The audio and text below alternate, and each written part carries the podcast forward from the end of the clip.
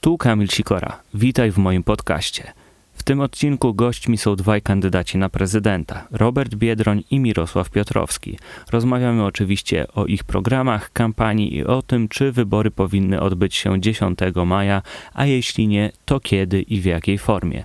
Na koniec cotygodniowe podsumowanie kampanii, a w nim m.in. o tym, jak rząd PiS przygotowuje się do wyborów korespondencyjnych, które jeszcze nie są prawem, oraz o tym, co robi Andrzej Duda i jego sztab. Słuchaj nas na Wirtualnej Polsce, subskrybuj nasz kanał w Spotify, Google i Apple. Koniecznie polecaj nas swoim znajomym. Wspomnij o nas w mediach społecznościowych używając hashtagu Wybierz Podcast.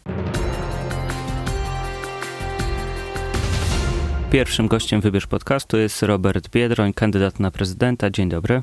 Dzień dobry panie redaktorze i dzień dobry państwu. W poprzednich odcinkach w rozmowach z pana konkurentami pytałem, czy wybory powinny odbyć się 10 maja. Odpowiadali, że nie. Pan tymczasem e, mówi, żeby pójść zagłosować, żeby pokazać e, tym samym sprzeciw wobec tego, co robi Prawo i Sprawiedliwość. Dlaczego? Ja, ja też uważam, że te wybory nie powinny się odbyć 10 maja dla ścisłości ale ponieważ rząd nie wprowadził stanu klęski żywiołowej, to te wybory zgodnie z konstytucją po prostu się odbędą, ale pewnie bardziej zgodnie z wolą prezesa Kaczyńskiego, który przed do tych e, wyborów. I teraz możemy zrobić, e, wybrać e, w związku z tym różne scenariusze i z mojej konkurenci chyba wybierają podobne scenariusze do mnie, bo nie słyszałem, żeby się wycofywali. Można zbojkotować te wybory i w nich nie startować. Można zbojkotować te wybory i namawiać swoich wyborców do tego, żeby nie głosowali. Ja uważam i chyba wszyscy tak uważamy, patrząc na to, że nikt się z tych wyborów nie wycofał, że skoro one się odbywają, to trzeba iść i zagłosować i trzeba um, zmienić tę władzę. Dlaczego? Dlatego, że nawet w naj, najbardziej niedemokratycznych państwach, jak na przykład Białoruś czy Rosja, opozycja startuje w wyborach i korzysta ze swojego prawa. E, I nie robi się to tam oczywiście naiwnie wierząc, że E, pokona się Putina albo Łukaszenkę, ale robi się to e, z tego względu, żeby być z ludźmi, dodawać im nadziei, pokazywać, że jest alternatywa, zbierać e, przykłady łamania praw obywatelskich, mieć podstawy do podważania tych wyborów i, i wydaje mi się, że najgorszy scenariusz, jaki moglibyśmy sobie wyobrazić, to jest bojkot przez opozycję wyborów, bo to mobilizuje elektorat PiSu. 91% elektoratu Prawa i Sprawiedliwości chce iść głosować i to sprawi, że Andrzej Duda zostanie wybrany ogromną ilością głosów i będzie miał bardzo silny mandat do sprawowania swojej władzy. To największy koszmar. Nie po to wychodziliśmy na ulicę przez ostatnie lata, nie po to opowiadałem ludziom o Polsce naszych marzeń, o Polsce równej, sprawiedliwej, e, świeckiej, e, gdzie chronimy środowisko, gdzie e, jesteśmy wrażliwi społecznie, żeby dzisiaj ludzi zostawić samych. Ale ktoś może powiedzieć, że Andrzej Duda i tak wygra, tylko przy większej frekwencji będzie mógł mówić, że jego mandat jest silniejszy. Andrzej Duda nie musi wygrać, jeżeli się zmobilizujemy, jeżeli pójdziemy zagłosować. Wszystko się może zdarzyć. Może któryś z nas może wejść do drugiej tury. Przecież te sondaże dzisiaj nie odzwierciedlają tak naprawdę realnej e, temperatury politycznej, wyborczej. Zresztą wybory prezydenckie są szczególne w Polsce. Zawsze na ostatniej prostej okazywało się, że tam tych game changerów y, jest sporo i ja uważam, że karty nie zostały jeszcze rozdane. Tak długo jak one nie zostały rozdane, trzeba grać w tę grę. Najgorsze, co może się wydarzyć, to oddać walkowerem te wybory. Y, naprawdę szkoda by było naszej energii, emocji, zaangażowania przez ostatnie lata, żeby dzisiaj y, Duda z Kaczyńskim 10 y, maja, czy wieczór, w którym y, będą ogłoszone wyniki wyborcze, otwierali szampana. Y, trzeba się zmobilizować, trzeba i zagłosować, oczywiście bezpiecznie, rozważnie, rozsądnie, ale nie traćmy nadziei, jeszcze Polska nie zginęła, póki my żyjemy. A co ze zdrowiem, co z bezpieczeństwem tych wyborów, co z równością i tajnością? To oczywiście jest rozterka nas wszystkich. Ja czuję te emocje. Ludzie boją się, że to głosowanie może ich narazić na zakażenie ale y, y, robimy zakupy, wychodzimy z domu. W ten sam sposób musimy się zabezpieczyć głosując. Y, musimy się też zabezpieczyć głosując przed sfałszowaniem tych wyborów. W związku z tym ja zwróciłem się dzisiaj właśnie do Rady Europy, do BWE i innych organizacji monitorujących proces wyborczy, żeby w Polsce obserwowały te wybory. To będzie sytuacja bezprecedensowa, bo te instytucje od dłuższego czasu w Polsce nie musiały już tak blisko monitorować wyborów. Dzisiaj to jest oczywiście konieczne, e, ale musimy także e, sami mm, zapobiec ewentualnym fałszerstwom wyborczym. Na przykład, kiedy będziemy oddawali głos obok tego, tej karty wyborczej, zrobić zdjęcie ze swoim dowodem osobistym i pokazać, że zagłosowaliśmy, jak zagłosowaliśmy. Jest, są metody, które są już sprawdzone w innych krajach przy tego typu e, wyborach i trzeba z nich korzystać. Trzeba też iść zagłosować, żeby później mieć mandat do podważenia tych wyborów. Bo jeżeli nie będziemy głosowali, to będziemy po prostu nie uczestniczyli w tym procesie, będzie, sami się wypiszemy protest wyborczy do Sądu Najwyższego może złożyć każdy, nie tylko kandydat. I o tym dokładnie. I o tym trzeba mówić i dlatego trzeba uczestniczyć w tych wyborach. Jak nie będziemy w nich uczestniczyli, to ciężko będzie e, argumentować później. I apeluję naprawdę o to. Zresztą proszę zauważyć, nikt z kandydatów na opozycji się nie wycofał z tych wyborów. E, oni będą wszyscy. Małgorzata Kidawa-Błońska przez pewien czas mówiła, że zawiesza kampanię, bojkotuje wybory. No to był błąd strategiczny i ja nie muszę tego mówić także jako jej konkurent y, w tych wyborach, ale to gołym okiem widać, że ta decyzja była niezrozumiała dla jej elektoratu. Ona zdemobilizowała swój elektorat y, y, i doprowadziła do tego, że te sondaże tak chyba poszybowały, chociaż znów one nie są uchwytne, one nie pokazują wiele.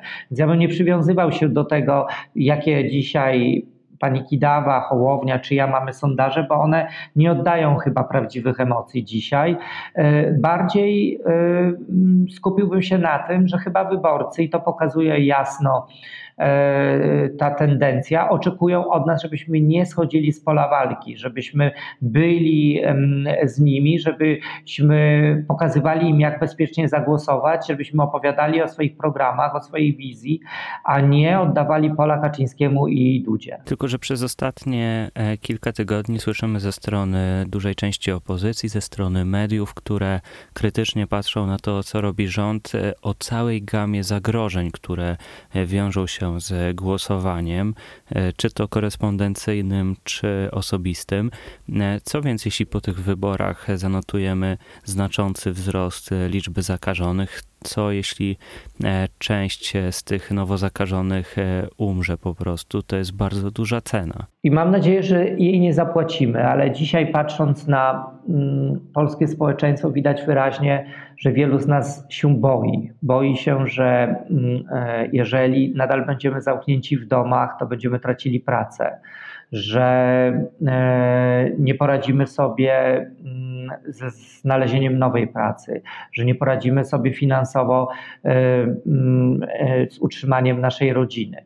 I Polki i Polacy chyba coraz częściej oczekują od rządzących stopniowego przywracania normalności. Widać, jak się ucieszyliśmy, kiedy oczywiście głupią decyzją o zamknięciu parków, my dzisiaj możemy chodzić do tych parków czy do lasów i mm, korzystać ze świeżego powietrza, e, więc e, tęsknimy za tą normalnością i tej normalności ludziom po prostu nie można odbierać. I politycy są od tego, żeby w miarę bezpiecznie przywracać mm, tę rzeczywistość. I, wydaje mi się, że takie straszenie nie przynosi niczego dobrego, bo e, skoro wychodzimy na zakupy, skoro chcemy wracać już do naszych zakładów pracy, skoro wychodzimy do parku, wychodzimy do lasu, dobrze by było, żebyśmy wykorzystali ten moment także do tego, żeby nawrzucać Kaczyńskiemu i Ducie, żebyśmy po prostu w bezpieczny sposób skorzystali z naszego prawa głosu i e, pokazali naszą siłę, bo mm, ja się boję, że jeżeli z tego nie skorzystamy, to mogą być ostatnie wybory wybory, w których będziemy mieli szansę.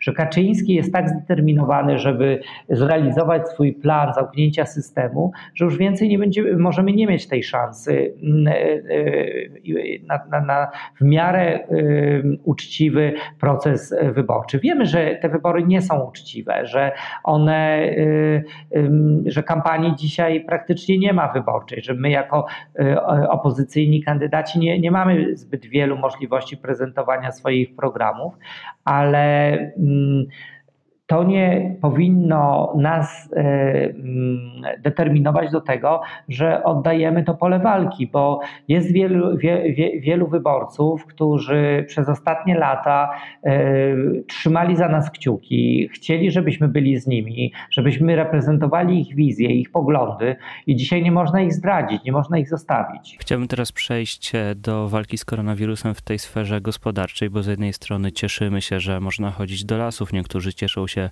że wkrótce ruszy ekstraklasa, ale przedsiębiorcy mówią, że to nadal jest za mało, bo nadal przecież są zamknięte galerie handlowe, sklepy, zakłady fryzjerskie, a rzeczywistość jest też taka, że na taką szeroką pomoc nie ma po prostu pieniędzy, bo budżet jest pusty. Czy pan ma jakiś pomysł na to, jak to można rozwiązać? Ja uważam dzisiaj, że w ogóle to państwo jest źle zorganizowane. Ja ratowałem piąte najbardziej zadłużone miasto w Polsce, czyli jako prezydent Słupska.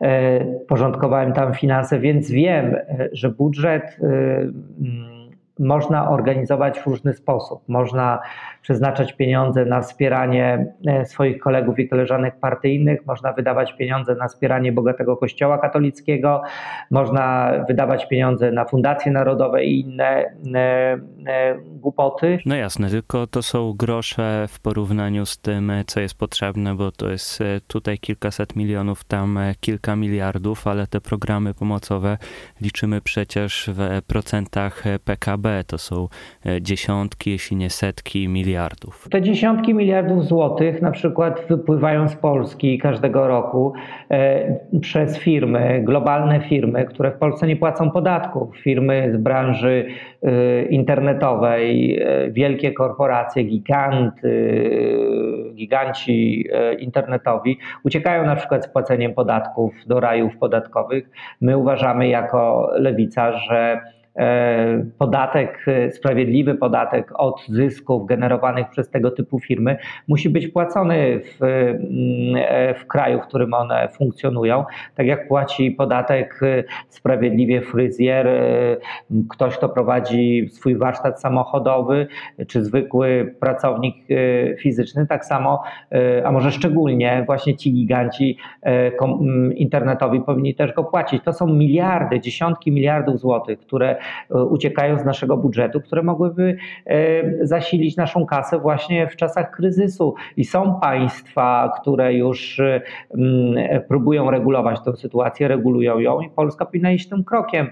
Powinna uszczelniać system podatkowy dla tych, którzy, którzy tych podatków nie płacą, bo akurat w przypadku podatków to państwo jest słabe wobec silnych, a silne wobec słabych. Ci mali płacą najczęściej uczciwie podatki, nie mają rzeszy księgowych, prawników, którzy potrafią doprowadzić do tego, żeby nie płacić podatków, wytransferować te zyski na Kajmany czy y, jakieś inne y, raje podatkowe, a, y, a bogaci właśnie korzystają z tych przywilejów. I my jako lewica, jako kandydat wrażliwy społecznie uważam, że państwo musi wsiąść się za te grube koty, które, tłuste koty, które przez lata żerowały na państwie, tak naprawdę nie dokładają dokładając się do tego mm, e, wspólnego koszyczka, którym uczciwie pan, ja e, i miliony uczciwych Polek i Polaków płaciło podatki. Grzegorz Kołotko jakiś czas temu w Radiu Tok FM mówił, że należy się zastanowić nad zmniejszeniem wydatków na uzbrojenie, na wojsko. Polska dzisiaj spełnia oczywiście normy natowskie, przekazujemy 2% naszego PKB na armię i to jest dużo. To my jesteśmy jednym z niewielu krajów, który te normy spełnia. Wydaje mi się, że to nie jest kwestia zmniejszenia czy zwiększenia, to jest raczej kwestia tego, co w zamian otrzymujemy. Ja uważam, że nie mamy dzisiaj armii pod rządami PiSu, która spełniałaby oczekiwania XXI wieku, e, a powinniśmy mieć armię, która będzie przygotowana na XXI wiek. Ja przedstawiłem swoją kompleksową wizję tego, jak powinna wyglądać taka nowoczesna armia. E, uważam, że popełniamy katastrofalne błędy, na przykład kupując samoloty F-35 bez przetargów, bez offsetu. E, zresztą sam, sama celowość tego zakupu jest przecież podważana. Uważam, że Polska powinna ze względu na swoje położenie geopolityczne przede wszystkim mieć armię, która będzie w stanie odpierać atak no, który będzie zagrażał Unii Europejskiej, co oznacza, że powinniśmy blisko współpracować w ramach, w ramach systemu PESCO z pozostałymi krajami unijnymi, że powinniśmy mieć dobrą cyberarmię, bo jesteśmy narażeni szczególnie na cyberataki ze strony, naszych wschodniego, ze strony naszego wschodniego sąsiada, że powinniśmy oczywiście mieć dobry program dronów, który będzie właśnie skutecznie patrolował y, ten rejon Unii Europejskiej. To powinny, to powinny być podstawy i oczywiście wspierać innowacyjny przemysł e, zbrojeniowy, nie oddawać tego przemysłu w obce ręce, nie oddawać przetargów bez offsetu, bo e, innowacyjny przemysł zbrojeniowy jest podstawą i zabezpieczeniem e, na czas wojny. No dzisiaj widać, że likwidowanie pewnych gałęzi przemysłu, mówię o przemyśle, który dostarczałby nam dzisiaj na przykład sprzęt e, ochronny, sprzęt e, czy maseczki, czy e, odzież ochronną, czy płyny dezynfekujące, likwidowanie tej gałęzi przemysłu dla, strategicznie dla państwa jest głupie, bo po prostu w, w czasach pokoju wydaje się, że to jest niepotrzebne. Przychodzi czas pandemii koronawirusa i Polska musi maseczki sprowadzać z Chin, które na pewno nie będą naszym partnerem, jeśli chodzi o bezpieczeństwo i obronność. Pan swój program pisał jeszcze w czasach, kiedy mogliśmy się spotykać w zagęszczeniu większym niż jedna osoba na 15 metrów kwadratowych, kiedy na horyzoncie nie było pandemii, nie było zamknięcia gospodarki, a co za tym idzie spadku e, dochodów e, budżetu państwa. Z której więc obietnicy wyborczej e, by pan był gotów zrezygnować, wiedząc, że mamy to zatrzymanie gospodarki, że dochody państwa będą mniejsze? Ja jestem jedynym kandydatem, który jest kandydatem socjaldemokratycznym, lewicowym, wrażliwym społecznie i w związku z tym mój program idealnie pasuje na, e, nie tylko na czasy właśnie takiego w miarę spokoju, ale szczególnie na czasy, kiedy mamy do czynienia z kryzysem, kiedy wiele osób zostaje z tyłu, kiedy armia ludzi zatrudnionych na umowy śmieciowe, na prowadzących jednoosobowe działalności gospodarcze po prostu z dnia na dzień zostaje bez pracy. My zbyt długo mieliśmy e, urządów, władzy, polityków neoliberalnych, którzy wmawiali nam, że jak ktoś wystarczająco silnie nie wiosłuje, to powinien utonąć. E, dzisiaj to są czasy, w których albo wygrają populiści, którzy będą e, mówili Make Poland Great Again, znajdą sobie e, kozła ofiarnego, e, będą obiecywali nam złote, złote góry, albo e, zaczniemy budować nowoczesne państwo dobrobytu z dobrymi usługami publicznymi. Proszę zobaczyć, że lata niedoinwestowanych szpitali powiatowych, lata takiej wiary, że jak sprywatyzujemy, to będzie dobrze, doprowadziły e, do czegoś, co dzisiaj jak na dłoni widać to nie szpitale prywatne niosą dzisiaj pomoc. One są zamknięte. Ba, są takie szpitale prywatne, gdzie y, testy przeprowadzono niezgodnie z procedurami i w ten sposób y, y, mieliśmy tego konsekwencję, że szpitale publiczne musiały być zamykane, bo tam przekazywano te nieprawdziwe testy ze szpitali czy ośrodków prywatnych. Doprowadziliśmy do sytuacji, w której niedoinwestowane usługi publiczne, dobra szkoła, na przykład wyposażona w tablety e, dla uczniów, dobry szpital, na przykład wyposażony, dobrze opłacany personel i posiadający dobry sprzęt ochronny. Dzisiaj e, tego nam brakuje najbardziej. A ja jako kandydat właśnie wrażliwy społeczny mówię, to jest podstawa rozwoju społeczeństwa. Dobre usługi publiczne, do, y, poczta dobra, dobry urząd pocztowy, dobre, y, dobra komenda policji, y, dobry szpital, dobra szkoła. Po erze budowy autostrad, wypasionych stadionów, jakichś pomników władzy, świątyń i kościołów, musi nadejść era budowy dobrych szpitali, dobrych przedszkoli, dobrych żłobków i o tym mówi mój program. Ludzie zaraz będą tracili masowo mieszkania bo po prostu ich nie będzie stać na, opłat, na spłatę kredytu, na opłacanie czynszu, bo ludzie nie będą tyle zarabiali, ile zarabiali wcześniej. Gdyby to państwo konsekwentnie, tak jak ja w Słupsku, inwestowało w mieszkalnictwo komunalne, stworzyło dobry program budowy tanich mieszkań na wynajem, dzisiaj nie byłoby tego zagrożenia. Dzisiaj ludzie nie musieliby się bać, że stracą dach nad głową, bo nie będą w stanie spłacać kredytu, czy nie będą w stanie płacić tego y, wysokiego czynszu. Więc y, tym bardziej dzisiaj powinniśmy wdrażać właśnie programy wrażliwe społecznie. Rzeczywiście w Pana programie jest kilka takich e, postulatów, e, chociażby ten milion mieszkań na e, wynajem w cenie do 20 zł za metr kwadratowy, czy leki za 5 zł, czy minimalna emerytura na poziomie 1600 zł. Tylko chyba zapomniał Pan o słowach, które padły w wywiadzie z Magdaleną Rigamonti w styczniu 2019 roku. Pan powiedział: Nie, ja będę premierem, tylko premier może podejmować decyzje. E, I rzeczywiście tak jest w naszym systemie, że to e, większość rządząca ma e, te możliwości, a program, który pan napisał, to program raczej większości sejmowej i premiera, a nie kandydata na prezydenta, który w naszych warunkach, w naszym systemie ma ograniczone możliwości. Bo mamy nieudanego, nieudanego prezydenta i nieudolnego, więc y, pewnie nikt już z nas nie wierzy, że prezydent ma jakąś moc sprawczą, ale chciałbym przypomnieć, rozdział 5 Konstytucji, e, w którym są prerogatywy prezydenta i jedną z nich jest inicjatywa ustawodawcza, z której oczywiście ten prezydent nie korzysta. I wydaje mi się, że prezydent, i ja chciałbym być takim prezydentem, ja byłem takim prezydentem w Słupsku, kiedy Y, nie radzi sobie rząd, nie radzi sobie większość parlamentarna. Obowiązkiem prezydenta jest interwencja.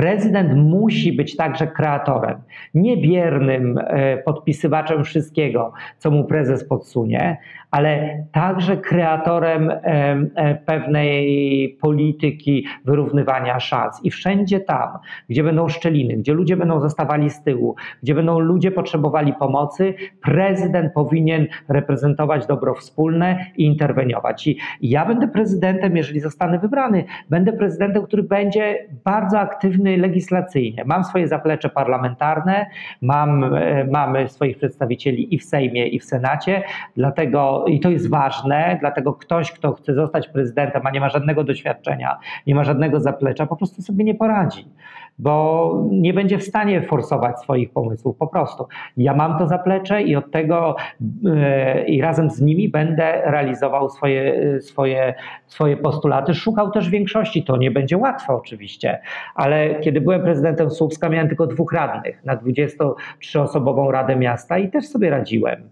Szukałem kompromisu i przeforsowałem wiele rzeczy, które inspirowały całą Polskę, a nawet Europę i wydaje mi się, że Polska jest gotowa dzisiaj na aktywnego, y, zaangażowanego prezydenta, a nie wiernego sługę swojego pana, jak dzisiaj Andrzej Duda. Pan patrzy na sytuację z Warszawy, gdzie pan prowadzi kampanię z Polski, ale też z Brukseli, jest pan europosłem e, i czy Pana zdaniem Unia Europejska poradziła sobie z tym kryzysem? Z jednej strony mamy takie głosy jak prezesa Kaczyńskiego, czy w ogóle europejskiej prawicy, która przekonuje, że Unia sobie nie poradziła. Z drugiej strony fakty są takie, że przez tę decyzję Komisji Europejskiej o uwolnieniu środków e, z perspektywy budżetowej e, Polska, Węgry, czyli kraje stosunkowo słabo dotknięte pandemią, mogą przeznaczyć na walkę z nią dużo więcej więcej unijnych środków, kilkakrotnie więcej, niż e, Hiszpania czy Włochy, które są mocno dotknięte. No, Kaczyński i Morawiecki kłamią. To jest, y, to jest takie stopniowe zohydzanie Unii Europejskiej. To jest y, y, też hipokryzja, bo nie słyszałem, żeby Morawiecki odmówił tych pieniędzy. Unijnych. Nie słyszałem, żeby Morawiecki nagle zlikwidował konto w rządzie, na które wpływają te wszystkie euro z Unii Europejskiej. Wprost przeciwnie. Morawiecki oczekuje od Unii Europejskiej tych pieniędzy i chętnie je bierze. Ja jestem członkiem Parlamentu Europejskiego i Komisji Budżetowej. Ogromne środki przekazywane są dla Polski. Ostatnio głosowałem, żeby przekazać 7,5 miliarda euro na y, walkę z koronawirusem y, i wiem, jak wiele działań Unia Europejska podejmuje, żeby ratować kraje, które potrzebują tej pomocy walczące z koronawirusem. I to jest obrzydliwe, obrzydliwe ze strony PiSu, e, obrzydliwa manipulacja, która jest dla mnie zrozumiała politycznie, bo to jest cyniczne zobrzydzanie Unii Europejskiej, ale niezrozumiała całkowicie moralnie. I to też jest e, e, powód, dla którego trzeba tam być i trzeba pilnować interesów polskich, bo e, w tej komisji wspomnianej przeze mnie, e, komisji budżetowej, przedstawiciele PiSu milczą to my jako opozycja walczymy o te pieniądze. To my zabiegamy o to, żeby odpowiednie środki trafiły na przykład na walkę z pożarem w Parku Narodowym, uruchomienie Funduszu Solidarnościowego w tej sprawie. To my walczymy o to, żeby środki niewykorzystane przez samorządy z funduszy strukturalnych zostały na walkę z koronawirusem i takie decyzje zostały podjęte i każde polskie województwo dzisiaj ma ekstra środki, które wykorzystywane są przez szpitale, przez szkoły, przez służby mundurowe na walkę z koronawirusem, więc to jest bezczelne, co robi Kaczyński. To jest straszne. Nie dajcie się Państwo nabrać na, to, e, na te fake newsy. Wchodźcie na stronę Unii Europejskiej, szukajcie tych wiadomości, bo prawda jest całkiem inna. Na koniec jeszcze pytanie o Pana drogę polityczną i taki szerszy kontekst, bo kiedy w listopadzie 2011 roku zostawał Pan posłem jako pierwsza osoba otwarcie deklarująca homoseksualizm, e, politycy prawicy źle zareagowali na Pana obecność. Pan w reakcji na to stwierdził, że e, polski Sejm jest zaściankiem, że e, politycy są oderwani od społeczeństwa, bo społeczeństwo się zmieniło, ale politycy muszą tę lekcję tolerancji jeszcze odrobić. Czy po tej dekadzie widzi pan, że odrobili tę lekcję, czy nadal są e, zaściankowi, tak jak ich pan ocenił w 2011 roku?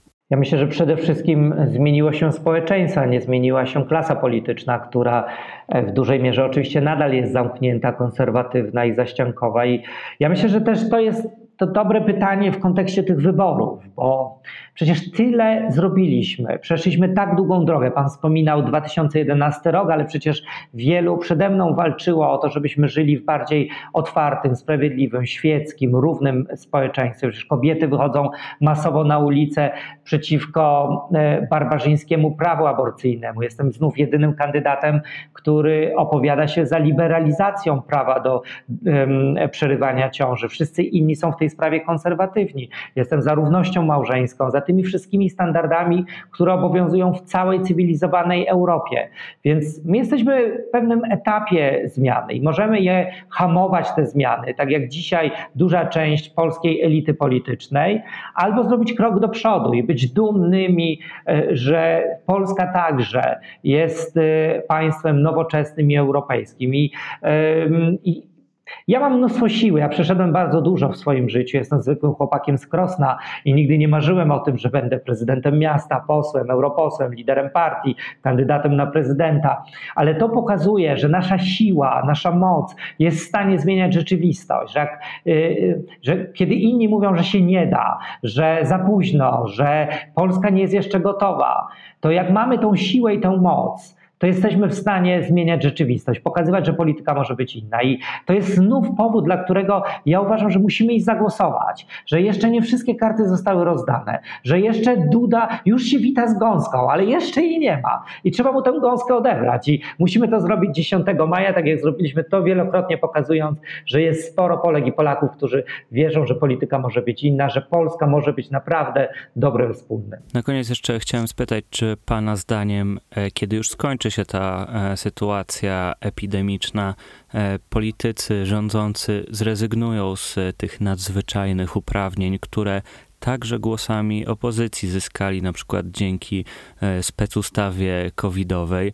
Biorąc pod uwagę to, jak wygląda dzisiaj krajobraz polityczny, jak zlikwidowano de facto dyskusję w Sejmie, jak wygląda krajobraz medialny, jak silne są media wspierające rządzących, ma pan takie przekonanie, że za pół roku, za rok, jak skończy się to zagrożenie epidemiczne, to wszystko wróci do takiego stanu, jaki mieliśmy powiedzmy w styczniu 2020 roku? Już, już nigdy nie wrócimy do tej rzeczywistości. Ta rzeczywistość będzie inna, ale mam nadzieję, że to otworzy nam wszystkim oczy, że przez ostatnie lata szliśmy bardzo złą ścieżką. Ścieżką, w której wiele osób na czas kryzysu po prostu nie zostało zabezpieczonych. I dzisiaj oczywiście próbuje się wprowadzać tarcze, które nie są skuteczne, bo nie będą siłą rzeczą skuteczne, jeżeli będzie panowała filozofia wspierania banków, a nie ludzi. E, przypomnę, ten rząd przeznaczył 70 miliardów złotych na ratowanie banków, a tylko 7,5 miliarda złotych w tej tarczy antykryzysowej na e, ratowanie szpitali.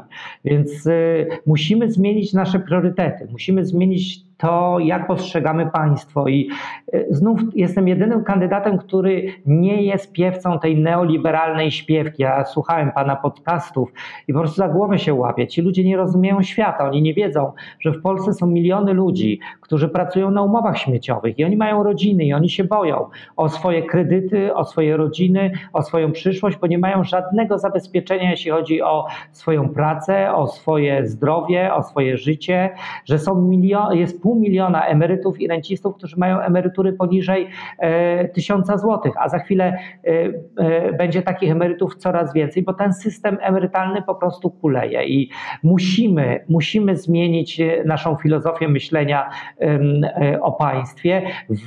Niewidzialna ręka wolnego rynku, jak widać, nie rozwiąże wszystkiego, bo kiedy przychodzi kryzys, ta niewidzialna ręka gdzieś znika i zostają realne problemy i realni ludzie z realnymi problemami. I wtedy okazuje się, że potrzebujemy dobrego państwa, dobrze zorganizowanego, z dobrymi właśnie, jak mówiłem wcześniej, usługami publicznymi. Wyciągnijmy z tego jakąś lekcję i pamiętajmy o tym na przyszłość. I tym wezwaniem kończymy. Gościem Wybierz Podcastu był kandydat Lewicy na prezydenta Robert Biedroń. Dziękuję bardzo. Wszystkiego dobrego i dziękuję za zaproszenie i bądźcie Państwo zdrowi. Gościem Wybierz Podcastu jest e, Mirosław Piotrowski, były poseł do Parlamentu Europejskiego i kandydat na prezydenta. Dzień dobry. Dzień dobry, witam serdecznie. E, w tych ostatnich e, dniach, w ostatnich odcinkach rozmowy z kandydatami zaczynam od pytania, czy wybory prezydenckie powinny się odbyć 10 maja. Na to nie ma wpływu niemal żaden z kandydujących, oprócz obecnego prezydenta który może wprowadzić e, stan wyjątkowy na wniosek e, premiera. Wszyscy widzą, że stan jest wyjątkowy, nie jest tylko usankcjonowany. Kampania wyborcza nie przebiega tak jak dotychczasowe kampanie wyborcze, a nie tylko akt wyborczy w formie oddania głosu się liczy, ale także przygotowanie do wyborów, czyli poinformowanie, rzetelne poinformowanie wyborców kto kandyduje, jaki ma program, a to w tej chwili jest utrudnione. Więc powtarzam raz jeszcze, stan nadzwyczajny już dawno zaistniał, nie jest on tylko usankcjonowany. No właśnie, ta kampania wyborcza, której nie ma i ten proces wyborczy, który nie przebiega absolutnie tak, jak przebiegał w poprzednich kampaniach, e, w poprzednich latach. E, pana konkurent Robert Biedroń powiedział w niedzielę, że poprosi o e, obserwację międzynarodową e, tych wyborów ze strony tych organizacji, które czuwają nad przebiegiem wyborów w krajach, no, gdzie mówiąc wprost, demokracja nie ma się najmocniej. Czy Pana zdaniem to jest pożądany w tej sytuacji krok? To znaczy, powinni przyjechać do nas międzynarodowi obserwatorzy? Absolutnie nie, nigdy, powtarzam, nigdy nie zwróciłbym się do międzynarodowej organizacji, aby wtrącała się w sprawy naszego kraju. To, co się u nas dzieje, należy do nas, do Polaków, do polskich polityków i taki model, jaki sobie wypracujemy, taki będzie tutaj istniał. Oczywiście istnieją również pewne nadużycia, to widzimy wszyscy, ale powinniśmy to załatwić w naszym domu. Nie wynosi się takich spraw na zewnątrz. No dobrze, tylko widzimy jaka jest sytuacja, to znaczy Jarosław Kaczyński, bo to chyba jego e, zdanie jest przesądzające, uparł się na te wybory 10 maja.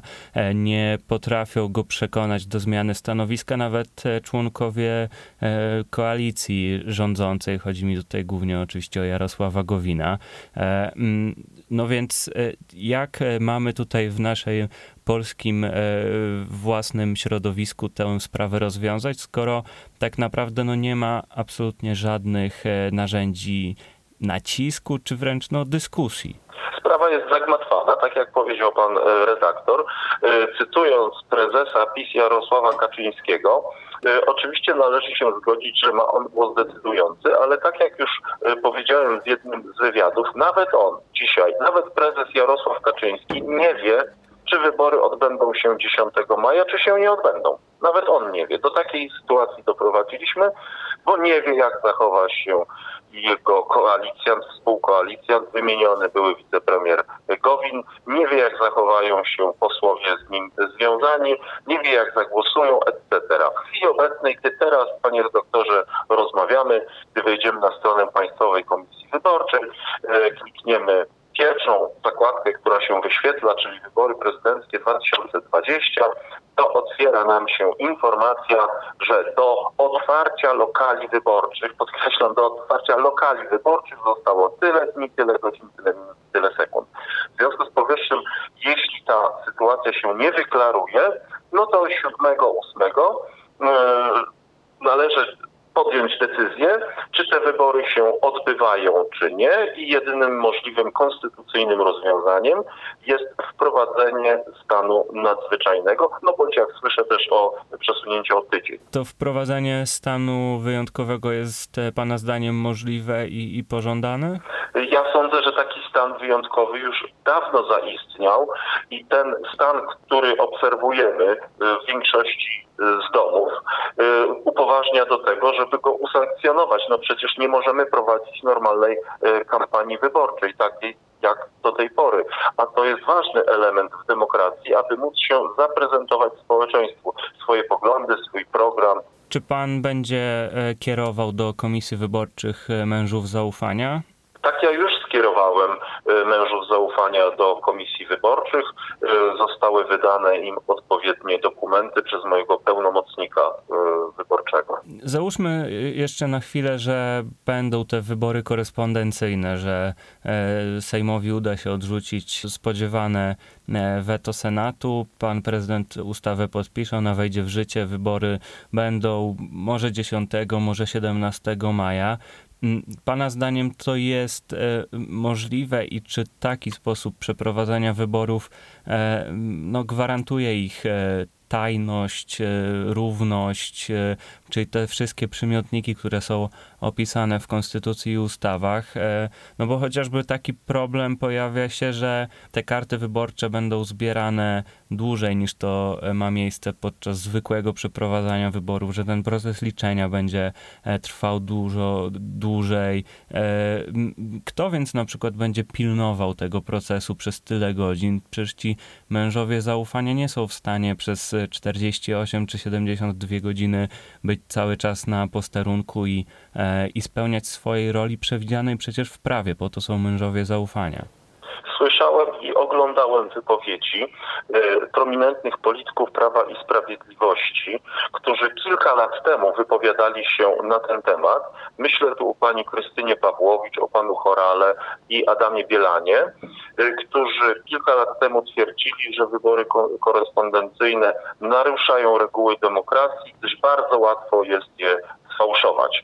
W związku z tym y, podzielam ich pogląd, wyrażony tyle lat temu, że wybory korespondencyjne niosą ze sobą ogromny bagaż możliwości nadużyć. Ale dla mnie kwestią e, ważniejszą jest to kiedy ustalamy te reguły? Bo oczywiście możemy wprowadzić wybory korespondencyjne, wybory przez internet bądź inną formę, no ale nie na kilkanaście dni przed wyborami. W tej chwili ludzie, bo o nich tutaj chodzi, wyborcy nie wiedzą, czy i w jaki sposób będą głosować. To jest horrendalne, nie mówiąc już o kandydatach, czyli o nas. E, przejdźmy do kolejnej sfery, e, która jest mocno dyskutowana, czyli e, tym, jak rząd radzi sobie z walką z pandemią, ale także jak rząd radzi sobie z tymi gospodarczymi następstwami pandemii. Pan ocenia, że ta tarcza antykryzysowa, jej kolejne wcielenia mm, spełnia, spełni swoją rolę? Tutaj ogromne niekonsekwencje, bo z jednej strony rząd uchwala jakieś tam tarcze antykryzysowe, wersja pierwsza, wersja druga, druga A, trzecia, trzecia C, już nie wiem która, y, czyli ta tarcza ma na celu pomóc przedsiębiorcom czy obywatelom, a z drugiej strony na przykład rząd ogłasza, że będzie ścigał osoby, które na przykład pozmieniały sobie TPF-y, czyli taki system filtrowania w dieslach, który kosztuje kilka tysięcy złotych, tak?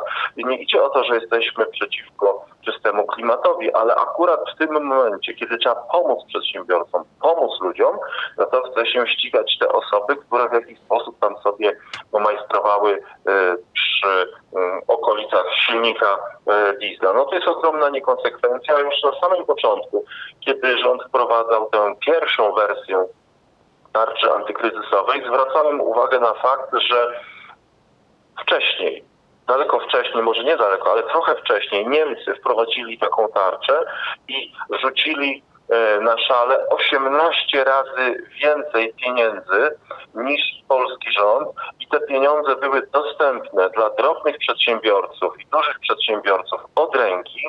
W gazetach niemieckich ukazywały się artykuły wypowiedzi tych przedsiębiorców chwalące niemiecki rząd, że wraca wiara w niemiecki Ordnung, wypełniało się ankietę w internecie, która zajmowała 5 minut i po dwóch dniach taka osoba, drobny przedsiębiorca, otrzymywał kilkanaście tysięcy euro, to jest 60-70 tysięcy złotych i mógł starać się o nieoprocentowaną pożyczkę w wysokości pół miliona euro, czyli ponad 2 miliardów Różnica jest taka, że Niemcy przez ostatnie lata e, mieli zrównoważony budżet, nie zadłużali się, e, mieli tę rezerwę, e, dzięki której mogli teraz w tej sytuacji kryzysowej zadłużyć się na tyle, na ile potrzeba. Tymczasem u nas kolejne budżety tak naprawdę były maksymalnie rozciągnięte. Kolejne programy, takie jak 500 plus 13 emerytura sprawiały, że dzisiaj, kiedy jest sytuacja kryzysowa, kiedy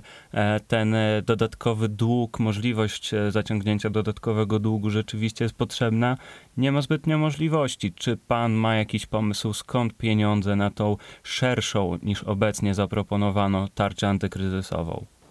Po pierwsze, to byliśmy zapewniani przez e, rząd tak zwanej Zjednoczonej Prawicy i premiera Mateusza Morawieckiego, że nasz budżet jest zrównoważony. W związku z tym e, jest pełne uzasadnienie, aby porównywać się do takich krajów jak Niemcy. Jeśli mamy takich środków mniej, z racji tego chociażby, że e, nasze państwo ma mniej ludzi, gospodarka może nie jest tak wydajna jak niemiecka, ale idzie tutaj o szybkość. Kto nie maszeruje, ten ginie. To jest znana zasada.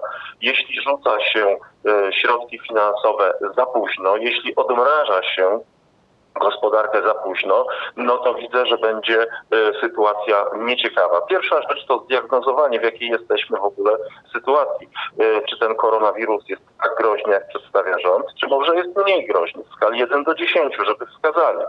Czy jeśli wirus Ebola na tej skali na 10 osób ubiera na przykład 8, na tej skali jest 8, wirus grypy to jest 1 czy 2, to gdzie znajduje się ten koronawirus?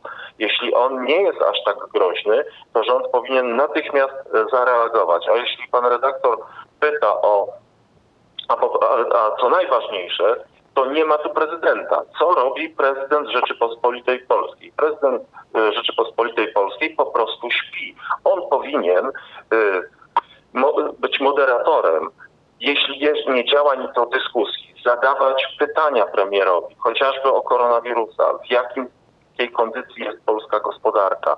A mój pomysł na wyjście to jest obniżenie podatków. Po prostu trzeba zwolnić ludzi od podatków jak najszybciej uruchomić gospodarkę. Wszystkie podatki należy obniżyć, zwłaszcza dla przedsiębiorców. Przedstawiam to w swoim programie także gospodarczym, który w tym tygodniu będzie dostępny już na mojej stronie internetowej. No właśnie, bo szukałem na y, Pana stronie takiego programu całościowego, ale nie znalazłem, bo zawsze staram się i, i robię to, że przed y, rozmowami z innymi kandydatami czytam e, program i zadaję pytania.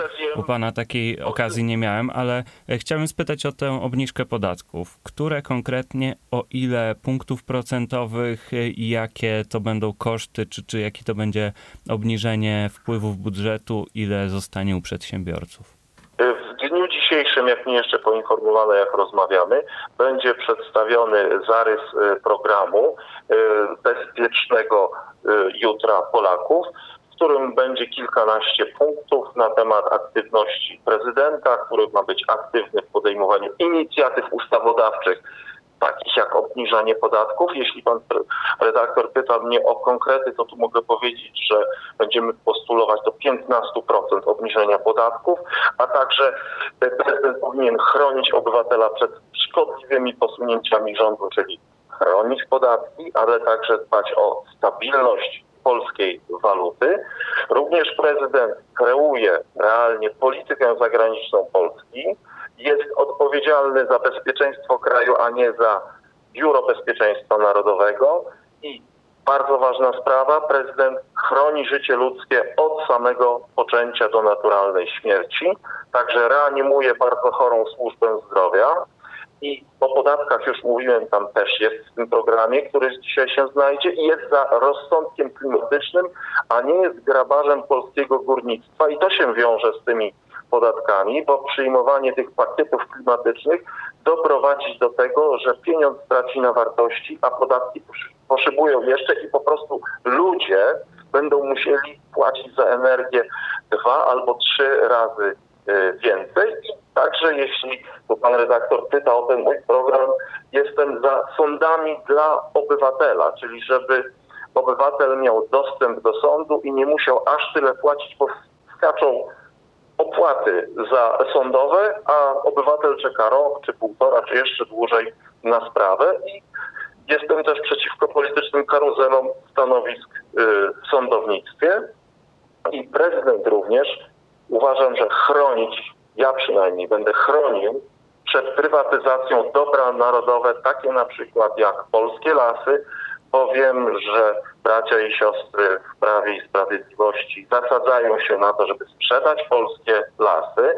Wiem, co mówią. Mówił mi o tym świętej pamięci minister Jan e, Szyszko, a także w moim programie znajduje się bardzo ważny punkt na temat szlifowania przez prezydenta bezcennego brylantu, jakim jest Polonia na całym świecie. Ta polityka, zwłaszcza w stosunku do niektórych krajów, jak chociażby Litwy, jest błędna, gdzie prezesa Związku Polaków na Litwie, pana Michała Mackiewicza, ściga polska prokuratura, także gdyby przyjechał do Polski, byłby aresztowany i musi chować się za litewskim immunitetem. No sprawa jest horrendalna. Pisałem nawet w tej sprawie jako poseł do Parlamentu Europejskiego do premiera pismo interwencyjne, wskazując, że podległa mu fundacja mm, ochrony Polaków, na, pomocy Polakom na wschodzie, tak się nazywa, tak naprawdę ma pomagać i nie nazywa się Fundacją Ścigania Polaków na wschodzie. Te wszystkie punkty, łącznie z gospodarczymi, ale także oczywiście idzie tutaj o rolnictwo. Przecież Polska nie śpi na ropie naftowej ani na złocie. Ma rolnictwo, w którym jesteśmy potęgą, potęgą w Unii Europejskiej. Mówię tutaj o kurczakach, o krowach, o świniach. Za tym idą sklepy i przetwórstwo mięsne i tak dalej, i tak dalej. To wszystko znajduje się w moim programie, który jako prezydent przedstawię i będę, jak powiedziałem na wstępie, aktywny w podejmowaniu inicjatyw ustawodawczych bo obecny prezydent śpi i nie wykorzystuje tego instrumentu należycie. No tak, panie pośle, tylko ja widzę taki problem tutaj wynikający z naszego układu konstytucyjnego, bo z jednej strony mówi pan, e, że będzie pan bronił obywateli przed e, rządem, przed złymi pomysłami, decyzjami rządu. E, z drugiej strony mówi pan o inicjatywie ustawodawczej, która musi przecież mieć poparcie tej samej większości, z której wywodzi się rząd. Tak więc widzę tutaj pewną sprzeczność. Ja tej sprzeczności nie widzę, gdyż uważam, że prezydent powinien współpracować z rządem, z każdym rządem. To znaczy współpracować. E, w tej chwili PiS rządzi już dwie kadencje i nie dziwię się, że stara się podporządkować sobie prezydenta, ale dziwię się prezydentowi, że daje się podporządkowywać rządowi. Jeśli prezydent jest aktywny, ma odpowiednie instrumenty, aby wywrzeć nacisk nawet na rząd. Przecież yy, to on podpisuje ustawy, on może wetować pewne ustawy i może pewne ustawy uzależnić od przyjęcia innych. Że tylko przypomnę chociażby sprawę z dotacją dla e, mediów publicznych telewizji polskiej w kwocie 2 miliardów złotych. Tutaj jakoś pan prezydent potrafił stanąć okoniem i doprowadzić do odwołania prezesa telewizji polskiej Jacka Kurskiego. Toku rozumowania pana redaktora takie postępowanie nie mogłoby mieć miejsca. E, chciałem jeszcze spytać o to, jak e, widzi Pan nasze stosunki ze Stanami Zjednoczonymi, e, przede wszystkim w tej sferze obronności. Krytycy działań obecnego rządu podnoszą, że takie mocne oparcie się na Stanach Zjednoczonych jest błędem, ponieważ no, dzieli nas ocean, a mamy tutaj w Europie tuż za miedzą bardzo rozwinięty przemysł e, zbrojeniowy, także ten wysokich technologii i to tutaj w Europie powinniśmy dokonywać e, takich zakupów jak e, chociażby samoloty czy tarcze antyrakietowe. Uważam, że Stany Zjednoczone Ameryki Północnej są naszym kluczowym sojusznikiem i kierunek, ten kierunek jest dobry, żeby nie powiedzieć bardzo dobry, ale nie możemy y, w ciemno żyrować wszystkich propozycji naszego największego sojusznika i żeby nie było wątpliwości, ja jestem co do tego sojuszu nie tylko przekonany, ale 15 lat namawiałem do tego sojuszu także Unię Europejską. Byłem między innymi koordynatorem takiej komisji w Parlamencie Europejskim do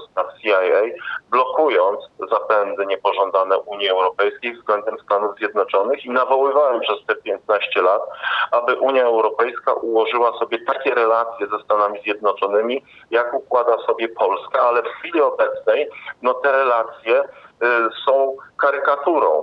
Y, obecny prezydent, no ale także rząd y, podporządkowuje się decyzjom Stanów Zjednoczonych i myślę tutaj o konkretnych sprawach. Przecież nie jest tajemnicą, że pani Georgette Mosbacher, ambasador USA w Polsce wydawała polecenia polskim ministrom, tak? Ja nie wiem, czy wydawała także te polecenia, y, które dotyczyły zakupu uzbrojenia, czego nie mogę wykluczyć. Ale taka sytuacja jest nie do przyjęcia po prostu, nie do przyjęcia, żebyśmy stawali się, no przynajmniej w oczach mediów, y, kolonią jakiegoś państwa, chociaż jak podkreślam, to jest nasz strategiczny sojusznik. Mówiłem już wcześniej, że na pochyłe drzewo koza skacze i to nawet koza amerykańska, która jest naszym najlepszym sojusznikiem. Tak być nie może. Prezydent powinien być tym, który pokazuje rządowi hola hola, nie można tak się uniżać wobec nawet takiego dużego sojusznika. A prezydent, jak widzieliśmy chociażby na filmie czy zdjęciu, gdy prezydent USA Donald Trump siedzi za biurkiem, a on koło niego kłóca czy się nachyla, gdy występuje pani Georgetta Mosbacher na konferencji prasowej, stoi koło niej prezydent jak równy z równym. A prezydent nie jest równy ambasadorowi. Prezydent jest równy prezydentowi USA Donaldowi Trumpowi i ma godnie reprezentować Rzeczypospolitą. Tutaj zostały zachwiane proporcje i uważam też dlatego prezydent powinien zostać zmieniony i to jak najwcześniej. E, na koniec naszej rozmowy chciałbym jeszcze wrócić do mm, spraw typowo kampanijnych, e, konkretnie do przerwania czy zawieszenia e, pana współpracy z telewizją Trwam, gdzie e, przez lata e, co tydzień publikował pan wideo felietony. Ta współpraca została zawieszona w związku z pana startem w wyborach. No ale chciałbym spytać pana o takie słowa ojca Tadeusza Rydzyka, które padły na antenie.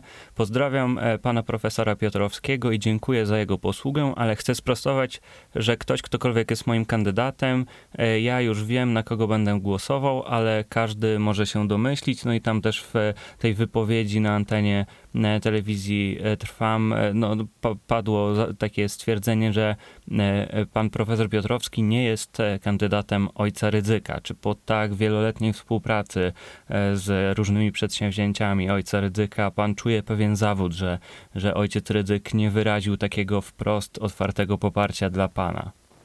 Ja jestem zadowolony, gdyż jestem y, jako kandydat na prezydenta, a mam nadzieję, że w wyborach uda się zwyciężyć, chcę reprezentować y, wszystkich Polaków, chcę reprezentować wszystkie środowiska, a nie tylko jedną stację radiową czy telewizyjną. Liczy się to, czy ludzie będą mieli pracę, czy nie będą tej pracy mieli.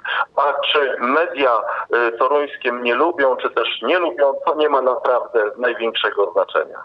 Gościem Wybierz Podcastu był Mirosław Piotrowski, były poseł do Parlamentu Europejskiego i kandydat na prezydenta w tych nadchodzących wyborach. Dziękuję bardzo. Bardzo dziękuję panu redaktorowi i wszystkim słuchaczom i czytającym nas. Pozdrawiam serdecznie. Ten tydzień kampanii nie wiadomo, czy jeden z ostatnich, czy nie, bo nadal nie znamy daty wyborów e, prezydenckich tak naprawdę. Przebiegał pod znakiem napięć w obozie Zjednoczonej Prawicy i kolejnych propozycji różnych e, opcji politycznych na temat tego, jak, kiedy, w jaki sposób można te wybory przeprowadzić. W poniedziałek Borys Budka zaprezentował swój plan na wybory. Głosowanie miałoby się odbyć 16 maja 2021 roku w trzech formach, czyli tej tradycyjnej, korespondencyjnie i przez internet. Wybory miałyby zostać przygotowane przez Państwową Komisję Wyborczą, a nie przez rząd, e, no i miałaby się odbyć tak naprawdę pełna, normalna kampania wyborcza. Lider PO zapowiedział, że będzie konsultował ten swój pomysł z innymi e, stronnictwami, spotkał się innymi z Jarosławem Gowinem. Panowie zgodzili się innymi, e, że to PKW powinno organizować wybory, no ale nadal do wprowadzenia tego planu Borysa Budki w życie e, daleko. Według nieoficjalnych informacji Onetu deklaracja kandydatki Koalicji Obywatelskiej o bojkocie wyborów prezydenckich została uznana e, za błąd przez kierownictwo PO, no i partia nie pozwoli Małgorzacie Kidawa-Jabłońskiej na wycofanie się z tych wyborów, a warto tutaj zaznaczyć, że w kolejnych e, sondażach z ostatnich dni, tygodni oczywiście mając e, na uwadze to, że one nie, mogą nie do końca oddawać e, nastroje społeczne, Małgorzata Kitawa-Błońska radzi sobie coraz gorzej, e, w niektórych nawet nie łapie się na podium, a takim głównym konkurentem Andrzeja Dudy staje się Władysław Kosiniak-Kamysz. Prezydent Andrzej Duda rozpoczął tak naprawdę, czy wznowił taką tradycyjną kampanię. Pojawił się na briefingu, gdzie pokazał spot i podpisał deklarację, w której e, zobowiązuje się do zachowania wszystkich programów społecznych przyjętych przez PiS. No i e, postawił on, jego sztab, taki wybór między Polską plus a Polską minus. E, to jest stara retoryka stosowana przez PiS w poprzednich kampaniach, kiedy przedstawia się Platformę Obywatelską jako tych, którzy będą zabierać ludziom pieniądze, a PiS jako tych, którzy tych pieniędzy będą bronić. Wieczorem prezydent pojawił się w Polsat News i stwierdził innymi, że gdyby sytuacja budżetu była bardzo zła, to on nie zgodziłby się na e, ograniczenie programu 500, ale namawiałby bogatych do zaprzestania pobierania tych pieniędzy. Z ciekawostek, e, chociaż to nie jest normalna kampania, to są piosenki wyborcze. W sieci pojawiła się disco-polowa piosenka wyborcza namawiająca do głosowania na Andrzeja Dudę, nagrana przez Super Twins. Można obejrzeć na YouTubie. We wtorek e, Prawo i Sprawiedliwość kontynuowało tę narrację i pytania o Polskę plus, Polskę minus. TVP atakowało zaciekle opozycję i e, konkurentów, a przede wszystkim senatorów Senat E, i e, marszałka Senatu Tomasza Grodzkiego. To trwało przez cały e, tak naprawdę tydzień. Mm, Władysław Kośniak-Kamysz powiedział: Mamy jedną klęskę żywiołową, choć nie jest ogłoszona, jest nią koronawirus, a wkrótce możemy mieć kolejną suszę. No i po nim rzeczywiście kolejni kandydaci odnosili się do tej klęski suszy, która nadchodzi. W środę minister Jacek Sasin przyznał w TVN24, że trwa już druk kart do głosowania, chociaż przecież ustawa o głosowaniu korespondencyjnym nie została jeszcze nawet e, przeprocedowana przez e, Senat i nie wiadomo, czy to prawo wejdzie w życie. Później w kolejnych dniach okazało się, że e, te karty drukuje nie Polska Wytwórnia Papierów Wartościowych, czyli państwowa spółka, ale zlecono to spółce niemieckiej programie Tweet Wirtualnej Polski pojawiła się e, szefowa sztabu programowego Andrzeja Dudy, Beata Szydło, która przekonywała, że to prezydent e, najbardziej traci na tej sytuacji, bo nie może prowadzić kampanii, a konkurenci nie mają tylu obowiązków i mogą e, ją prowadzić no, niemal normalnie, spotykając się z wyborcami w internecie czy udzielając wypowiedzi mediom pewnie mają więcej czasu, jednak mają mniej możliwości, bo e, przecież każde wystąpienie prezydenta jest e, no, niemal obowiązkowo transmitowane przez stacje telewizyjne. To, co powie Andrzej Duda, e, jest cytowane dużo szerzej niż to, co powie chociażby Krzysztof Bosak czy Władysław Kosiniak-Kamysz. Tak więc te słowa Beaty Szydło można postrzegać jako taką próbę zaklinania rzeczywistości. W pierwszej części tygodnia toczył się też proces między Markiem Jakubiakiem a Gazetą Wyborczą. Chodziło o e, tekst na temat nieprawidłowości przy zbieraniu podpisów e, na rzecz Marka Jakubiaka. Mówiłem o tym w poprzednim odcinku podcastu. No i e, w środę Marek Jakubiak prawomocnie przegrał ten proces w trybie wyborczym z Gazetą Wyborczą. E, także czwartek upłynął pod e, znakiem kwestii prawnych, ale nie w sądzie, tylko w prokuraturze, bo e, prokurator rejonowa Ewa Wrzosek wszczęła śledztwo w sprawie organizacji wyborów podczas trwającej epidemii. No i w ciągu trzech godzin to śledztwo jej odebrano i umorzono bez przeprowadzenia jakichkolwiek e, czynności. To wywołało lawinę komentarzy e, ze strony przeciwników obecnego rządu, którzy e, mówili wprost, że to jest dowód na to, że nie mamy państwa prawa. Z kolei zwolennicy rządu i Andrzeja Dudy przekonywali, że pani prokurator jest upolityczniona i że to miał być właśnie taki polityczny gest z jej strony. W nocy samorządowcy dostali maile z prośbą o przekazanie spisów wyborców, maile podpisane e, jako Poczta Polska, według wielu nie mające po prostu żadnej mocy prawnej, kolejnych dniach niektórzy włodarze ogłasza, ogłaszali, że zawiadamiają prokuraturę o próbie wyłudzenia danych, inni ogłaszali po prostu, że tych danych nie przekażą, że nie zareagują na ten list, ale na przykład w niedzielę samorządowa gwiazda PiS, prezydent Stalowej Woli Lucjusz Nadbereżny powiedział, że jego miasto przekaże e, dane.